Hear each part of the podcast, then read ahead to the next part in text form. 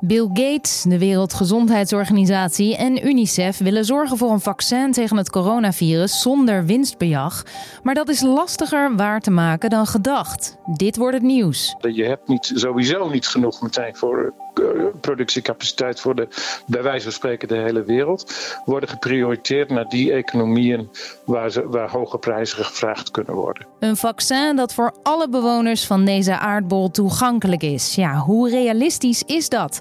Daarover praat ik zo met hoogleraar Global Health Economics Maarten Posma van de Universiteit Groningen. Maar eerst kort het belangrijkste nieuws van nu. Mijn naam is Esme Dirks. Het is vandaag 4 juni en dit is de Dit wordt het nieuws middagpodcast. De Amsterdamse burgemeester Femke Halsema voelde zich in de steek gelaten door minister Grapperhaus rond de te drukke demonstratie op de Dam. Dat blijkt uit een appgesprek dat door het ministerie is vrijgegeven op verzoek van PVV-leider Geert Wilders. In dat appgesprek van afgelopen maandag bespraken de minister en de burgemeester de situatie en ook of er ingegrepen moest worden. En hoewel Grapperhaus eerst steun bood, kwam hij later op de avond met een lange kritische noot. Halsema stond daardoor in de kou, schrijft ze. Ze had liever gezien dat Grapperhaus de ingewikkeldheid van de situatie had uitgelegd aan de media. Advocaat Peter Schouten gaat kroongetuige Nabil B. bijstaan samen met Peter R. de Vries. Hij zal optreden als vertrouwenspersoon. Onlangs vertelde de kroongetuige dat het OM niet wilde instemmen met de aanstelling van Peter R. de Vries. Maar die problemen zijn blijkbaar verholpen op voorwaarde dat de misdaadjournalist alleen advies geeft, anders zou het de zaak kunnen verstoren. Schouten die had vlak na de dood van de eerdere advocaat Dirk Wiersum al laten weten bereid te zijn de kroongetuige bij te staan. Oud-defensieminister Jim Mattis heeft felle kritiek op zijn voormalige baas Donald Trump als het gaat om zijn omgang met de protesten tegen politiegeweld. De president dreigt het leger in te zetten om de orde te herstellen en dit vindt Mattis onacceptabel. Volgens hem is Trump de eerste president die niet probeert om het Amerikaanse volk te verenigen en ook niet eens doet alsof hij dat wil. Mattis stapte in december 2018 op als minister van Defensie uit onvrede over het besluit van Trump om troepen terug te trekken uit Syrië. Hoewel hij gepensioneerd is, geldt hij nog steeds als een invloedrijk persoon binnen de strijdkrachten. Zo'n 1715 coronapatiënten zijn op dit moment besmettelijk voor anderen. Dat schat het RIVM. Voortaan meldt het Rijksinstituut dit bij elke dagelijkse update. Maar het gaat om een onzekere schatting. Het RIVM maakt donderdag melding van 13 overleden coronapatiënten en 12 nieuwe ziekenhuisopnames. Het aantal besmettingen is toegenomen met 209. En dat is twee keer zoveel als elke andere dag deze week. En ook veel andere dagen in voorgaande weken. Maar vermoedelijk is die stijging veroorzaakt door de massale hoeveelheid afgenomen coronatests van deze week. Nederlanders met klachten kunnen zich eh, inmiddels namelijk erg snel laten testen. Radio 10 DJ Lex Gaarthuis wordt niet vervolgd door het Openbaar Ministerie voor het uitzenden van het lied Voorkomen is beter dan Chinezen begin februari. Dat uh, lied werd gezongen door een typetje van Gaarthuis en daar was uh, veel kritiek op, vooral vanuit de Chinese gemeenschap. Het meldpunt discriminatie ontving honderden meldingen en er kwam een uh, petitie met de naam Wij zijn geen virussen. Daarbij deden vijf mensen aangifte, maar het OM is van oordeel dat het lied niet strafbaar is, omdat het past binnen artistieke vrijheid.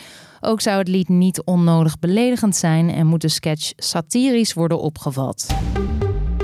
Als er nou eens een vaccin zou zijn tegen het coronavirus, dan zouden we het snelst terug kunnen naar de wereld zoals die was. Maar die moet eerst wel even worden gemaakt. In al meer dan 100 laboratoria over de hele wereld wordt geprobeerd het medicijn te vinden en er zijn al wat hoopvolle ontwikkelingen. Bovendien wordt overal de portemonnee getrokken om een boost te geven aan die zoektocht. Vandaag wordt eh, bijvoorbeeld een conferentie gehouden van Gavi. Dat is een samenwerkingsverband tussen Bill Gates, de WHO en UNICEF. Zij willen hiermee nog een 7,4 miljard dollar verzamelen om te investeren in vaccins. Veelbelovend, maar als we de oplossing eenmaal gevonden hebben, dan staan we wellicht voor een nieuwe uitdaging, want is er genoeg voor iedereen? Daarover praat ik met hoogleraar Global Health Economics Maarten Postma. Hij zit ook in de Engelse Joint Commission Vaccination and Immunization. En daar hebben ze recent nog geprobeerd om een voorspelling te doen van wanneer dat vaccin er eigenlijk zal zijn. Ja, heel optimistisch. En ik, ik heb de indruk dat dat nu een beetje verlaten wordt.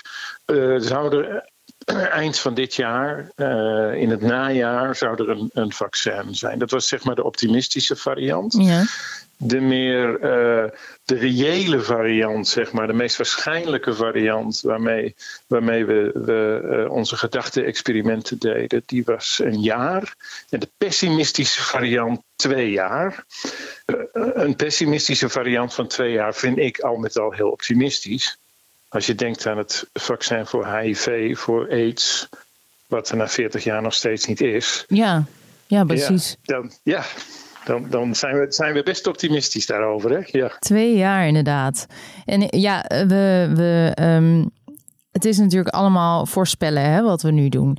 Um, van als dat vaccin er is, dan. Zal er genoeg zijn voor iedereen? Nee, dat lijkt me, dat lijkt me niet. Um, ook een reden waarom je, waarom je nu al moet nadenken over uh, ja, als je het straks hebt ja, wie moeten we het dan gaan geven? Moeten we vooral de mensen uh, die, dus, die de ernstigste complicaties uh, hebben van, van COVID, moeten we die, uh, die prioriteren? Dat klinkt heel logisch. Zo zal het misschien ook gaan. Maar je kunt natuurlijk ook aan een strategie denken dat je juist gaat kijken, ja, wie zijn nou de belangrijkste mensen in de maatschappij die COVID verspreiden? En als we die nou gaan gaan vaccineren, kunnen we misschien juist die, die verspreiding stilleggen. Mm Maar je, um, de belofte bij dit toekomstige vaccin is eigenlijk vanuit uh, alle wereldleiders dat het uh, publiek goed moet blijven, uh, dat het voor iedereen toegankelijk moet zijn, dat het niet onderhevig zal zijn aan marktkrachten.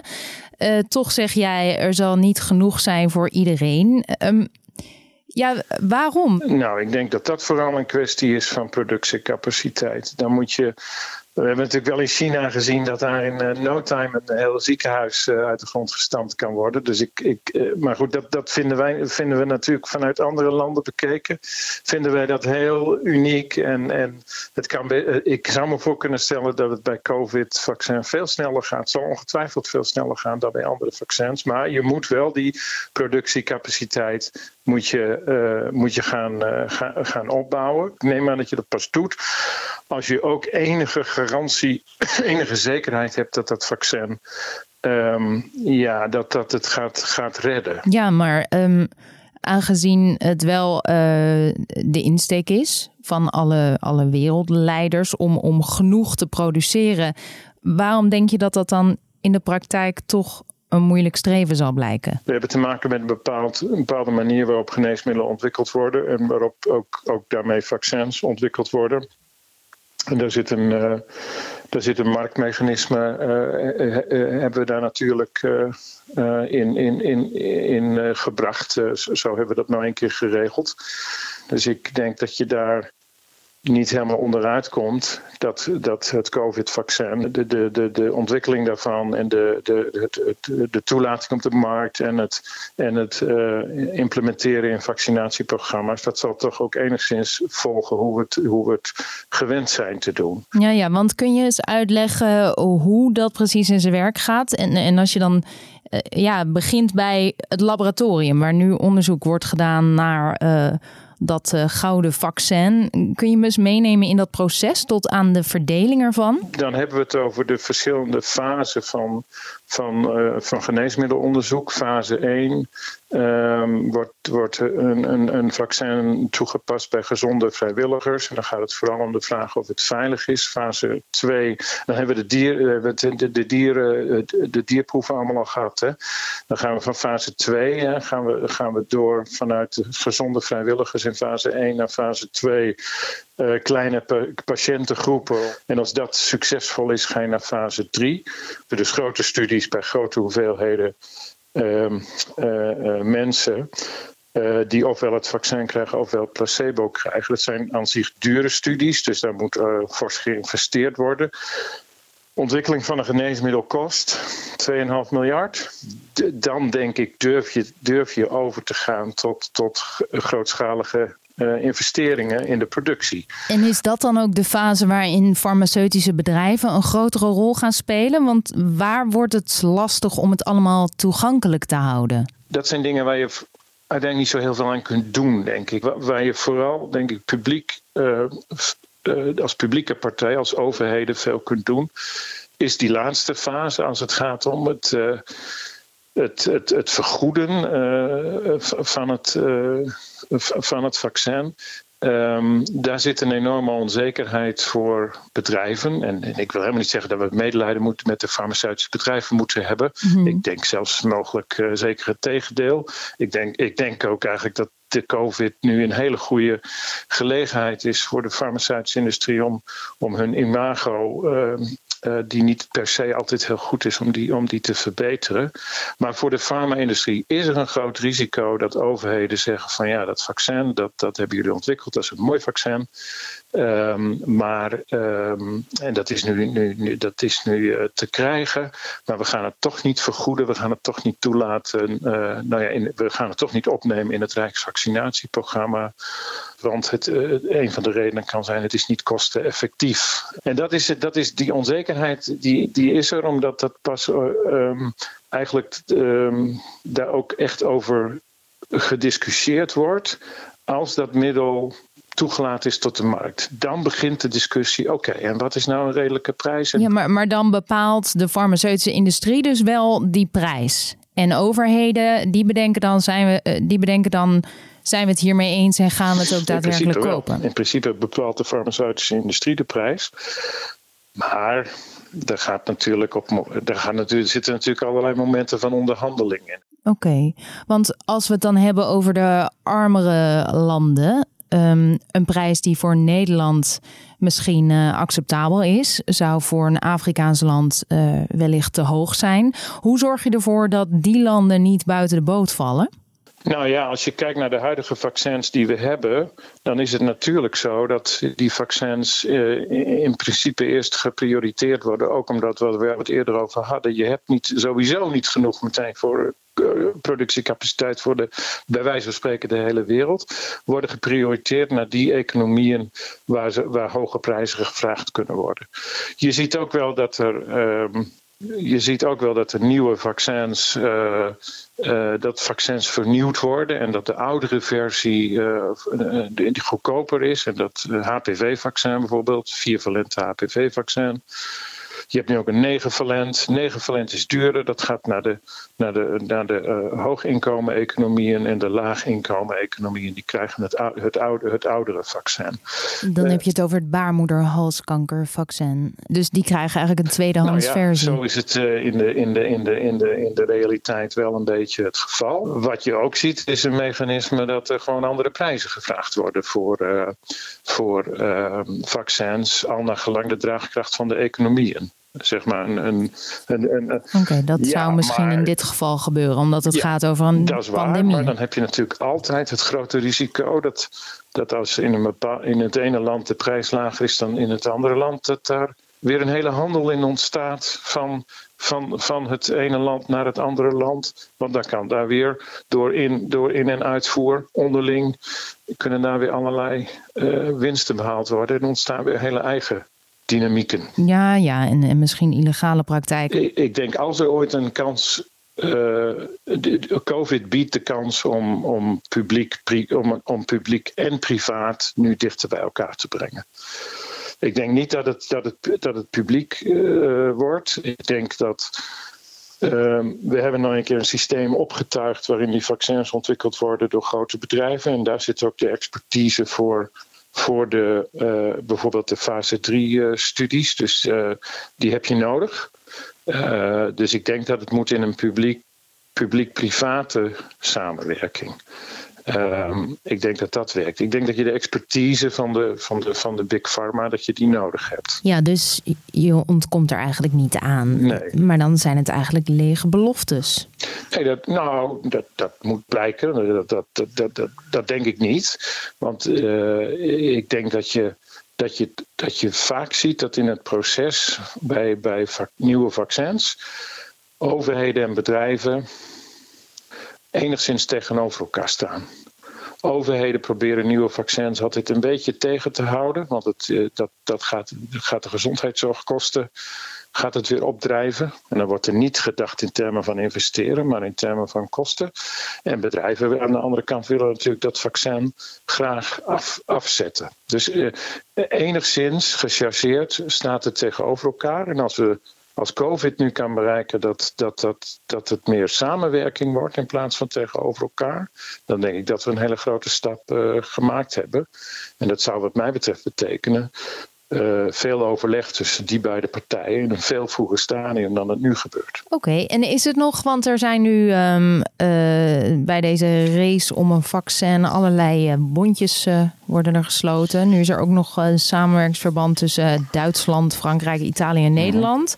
Zal de ene samenwerking meer succes hebben dan de andere? En wat is wijsheid voor Europa? Het, het zou van buitenaf, als ik daar naar kijk, logischer zijn om, om aan te sluiten bij het initiatief initiatief wat we bij geneesmiddelen al hebben, al hebben waar we samenwerken met, met België, um, uh, met uh, Ierland en, uh, en, en Oostenrijk. Dat is het Benelux SAI. Luxemburg doet ook mee, Benelux AI, mm. Benelux SAI-initiatief. Um, dit is nu weer dit is een andere groep. Um, prachtig. Ik denk allemaal mooi. Uiteindelijk is het natuurlijk verbazend dat we als EU niet gezamenlijk hierin optrekken. Ja, en welke, welke gevolgen gaat dat hebben voor de verdeling van dit uh, vaccin? Uh, ik denk dat het heel belangrijk is uh, waar uh, uiteindelijk dit, dit eerste vaccin ontwikkeld wordt. Ehm, is, is het India, is het China, is het, is het Duitsland, is het, is het Engeland? Oxford is natuurlijk best al heel ver. Ehm, en welk, welk bedrijf daar dan, uh, daar dan aan gekoppeld is. Want ik denk dat dat meespeelt. Dat al, die, al die krachten gewoon die we bij alle, bij, altijd bij vaccins hebben, dat die ook hier gewoon niet uit te schakelen zijn. Uh, maar je kunt ze denk ik. Uh, ja, hoe moet je het zeggen, ver, ver, verlichten. Ver, uh, je, je, door, door publiek-private samenwerking kun je, kun, kun, je daar denk ik uh, kun je daar een beetje, een beetje uh, orde in scheppen. Nou ja, maar dat klinkt niet als goed nieuws voor de armere landen, zeg maar. Ja, dat is, dat is, dat is, dat is, een, dat is een probleem. dat is wij denken nu van, eh, of dat zei ik zo net, EU trekt toch met elkaar gezamenlijk op in deze. Dan heb je in ieder het EU-belang, maar daarmee inderdaad, het eh, helemaal gelijk. Eh, wie vertegenwoordigt de belangen van de, van, de, van de Afrikaanse landen, van de Aziatische landen? Azië lijkt mij voorlopig een, een, een groot probleem. Er zit een marktmechanisme achter vaccins. Die ga je denk ik voor COVID niet helemaal uitschakelen. En dat betekent dat er toch een, een mogelijk een tendens is om vooral eerst naar rijke landen te kijken. Ik ben daar wel bang voor. Dat was uh, hoogleraar Maarten Postma over uh, het vaccin en de toegankelijkheid daarvan voor iedereen over de hele wereld. Goede bedoelingen, maar of die beloftes ook worden ingelost, dat moet nog blijken. Eerst maar eens dat vaccin ontwikkelen. En dan het weer. Het is uh, bewolkt vanmiddag en er valt af en toe regen. Het is 13 eh, tot 17 graden. Best cool voor begin juni. Er staat een matige tot uh, langs de kust soms krachtige noordwestenwind. 3 tot 6. En vanavond en vannacht volgen vanuit het westen opklaringen. En blijft het op een enkele bui na droog. De minima liggen rond de 8 graden. En morgen trekt er een regengebied van west naar oost over het land. Gevolgd door een paar losse buien met ook kans op onweer. Het wordt maximaal 15 graden. En in het weekend blijft het wisselvallig en koel. En dan nog even dit. Misschien heb je gehoord van een eh, Duits onderzoek over eh, de verspreiding van het coronavirus via objecten, zoals eh, deurklinken en liftknopjes. Nou, nu checkt, die beoordeelt dit soort berichten op hun betrouwbaarheid. En vandaag kijken we dus naar deze bewering. Na aanleiding van vragen van nu.nl-lezers en berichten op sociale media. Ehm, ik ga nog niet verklappen wat eruit komt. Bekijk het even op uh, Nu Checked. En dit was dan de middagpodcast van nu.nl. Dit wordt het nieuws. Mijn naam is Esme Dirks. Laat even weten wat je ervan vond. Dat kan door te mailen naar podcast.nu.nl. Mail ons even. Dat vinden we leuk. En uh, abonneer je op deze podcast. Wij zijn er morgen weer.